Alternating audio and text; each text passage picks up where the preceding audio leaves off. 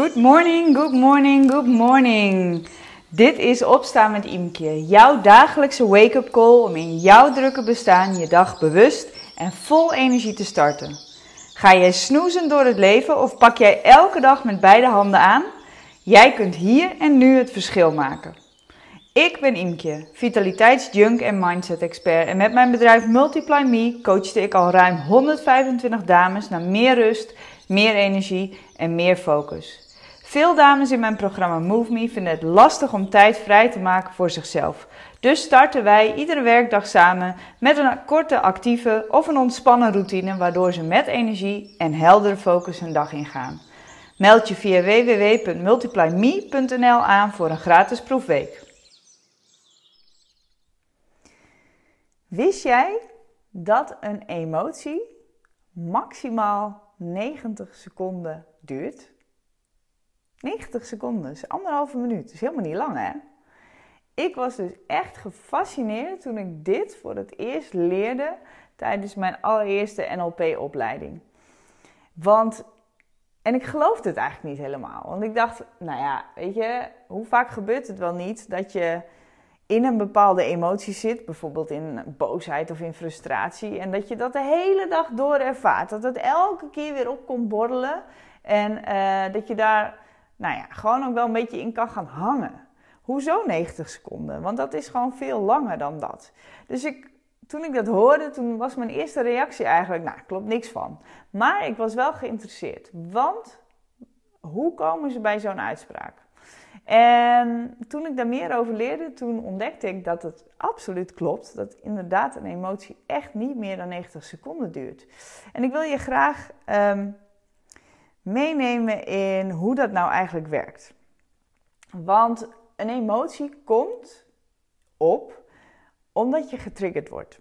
En een trigger is niks anders dan een persoon of een gebeurtenis of soms een liedje wat je hoort of een plek waar je bent, maar iets wat bij jou een bepaalde emotie oproept.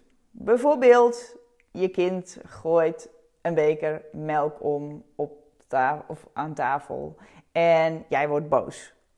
Want laten we vooropstellen, op het moment dat er een beker melk omvalt, dat is ook wel heel, heel, heel erg. Dus het is logisch dat je daar knijt boos om wordt natuurlijk. Um, maar hoe werkt dit nou? Waarschijnlijk is daar iets aan vooraf gegaan. Heb je misschien je kind al een keertje gewaarschuwd, of misschien al wel drie keer gewaarschuwd, of vijf keer gewaarschuwd, en gaat het alsnog mis, gaat die beker om. En op dat moment is die beker melk die omvalt, is je trigger die je boos maakt. Alleen is die beker melk niet de werkelijke trigger die je boos maakt. Want wat daar aan vooraf is gegaan, is dat jij je kind al gewaarschuwd hebt. Dus op het moment dat die beker omgaat, gebeurt er van alles in je hoofd. Namelijk, er wordt een betekenis gekoppeld aan die gebeurtenis.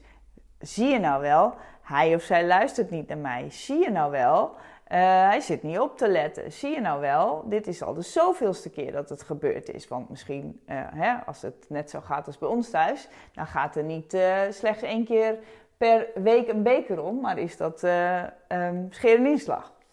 Oftewel, die beker melk die omvalt, dat is eigenlijk een luikje wat open gaat, waardoor er allerlei andere dingen naar boven komen bij jou. Al die eerdere bekers melk die zijn omgevlogen. Of het gevoel dat je niet serieus wordt genomen. Of dat er niet naar je geluisterd wordt. En dat veroorzaakt uiteindelijk die emotie. Dat boem, dat zorgt er in één keer voor dat dat boze gevoel naar boven komt. En dat boze gevoel blijft lekker hangen.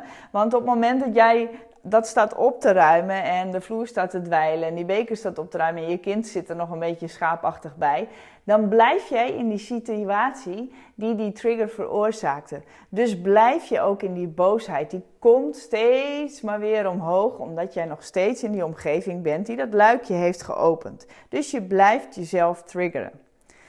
Op het moment dat jij zou weglopen bij dat gebeuren, dus je zou bijvoorbeeld naar, de, naar een andere ruimte lopen of even lekker de tuin inlopen. En je gedachten zouden niet meer bij die beker melk zijn. Dan zul je ook merken dat heel snel, binnen 90 seconden dus, die boosheid verdwenen is.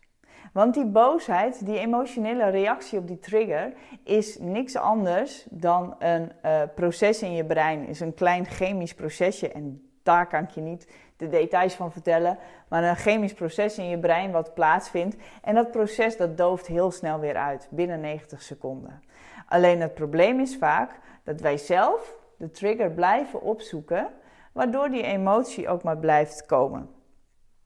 En zo werkt dat met alles. We zoeken bewust en onbewust triggers op die bepaalde gevoelens bij ons naar boven brengen.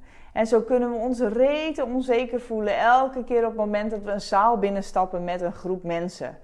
En er hoeft nog helemaal niks gebeurd te zijn, maar alleen al het feit dat je die groep mensen ziet, die roept een bepaald, dat roept een bepaald gevoel bij jou op. En dat is elke keer weer zo. Dus we hebben allerlei triggers die bepaalde emoties bij ons naar boven halen. En op het moment dat we een soortgelijke trigger tegenkomen, we komen in een soortgelijke uh, situatie, dan gaat het luikje open en komt dat gevoel dus uh, naar boven zetten. En uh, dat kunnen dus gedachten zijn, dat kunnen personen zijn, dat kunnen plekken zijn, dat kan muziek zijn, um, dat kan een, een, foto zijn die je ziet, die continu een bepaalde trigger uh, opwekt bij jou, wat weer een gevoel of een emotie uh, veroorzaakt. Nou, het is toch eigenlijk wel een hele lekkere gedachte dat jij dus niet dat gevoel bent, dat dat gevoel echt komt, maar heel snel weer verdwenen is. Um, maar dat je dus dat gevoel hebt, die emotie komt even langs, alsof die bij jou op bezoek komt. En je hoeft er dus niet in te blijven hangen. Heel simpel, zoek de trigger niet op of ga weg bij de trigger. Want wanneer je weg bent bij de trigger, gaat ook het gevoel weg. En als die trigger een bepaalde gedachte is die je steeds bij jezelf oproept, help jezelf dan om die gedachte los te laten. En om een andere gedachte te nemen die je meer helpt. Want het mooie is, we willen enerzijds die triggers van die negatieve emoties niet de hele tijd opzoeken, want dat geeft gewoon niet een fijn gevoel. En negatieve emoties bedoel ik daarmee bijvoorbeeld boosheid of frustratie of onzekerheid of verdriet. Het zijn allemaal emoties die mogen er best zijn, maar het is niet lekker als je daar de hele dag in blijft sudderen. Anderzijds, emoties die je wel een fijn gevoel geven, uh, blijheid, maar ook bijvoorbeeld uh, zelfverzekerd zijn of uh, vrolijkheid, ontspanning, je energiek voelen, zijn allemaal gevoelens die je juist wel zouden kunnen helpen.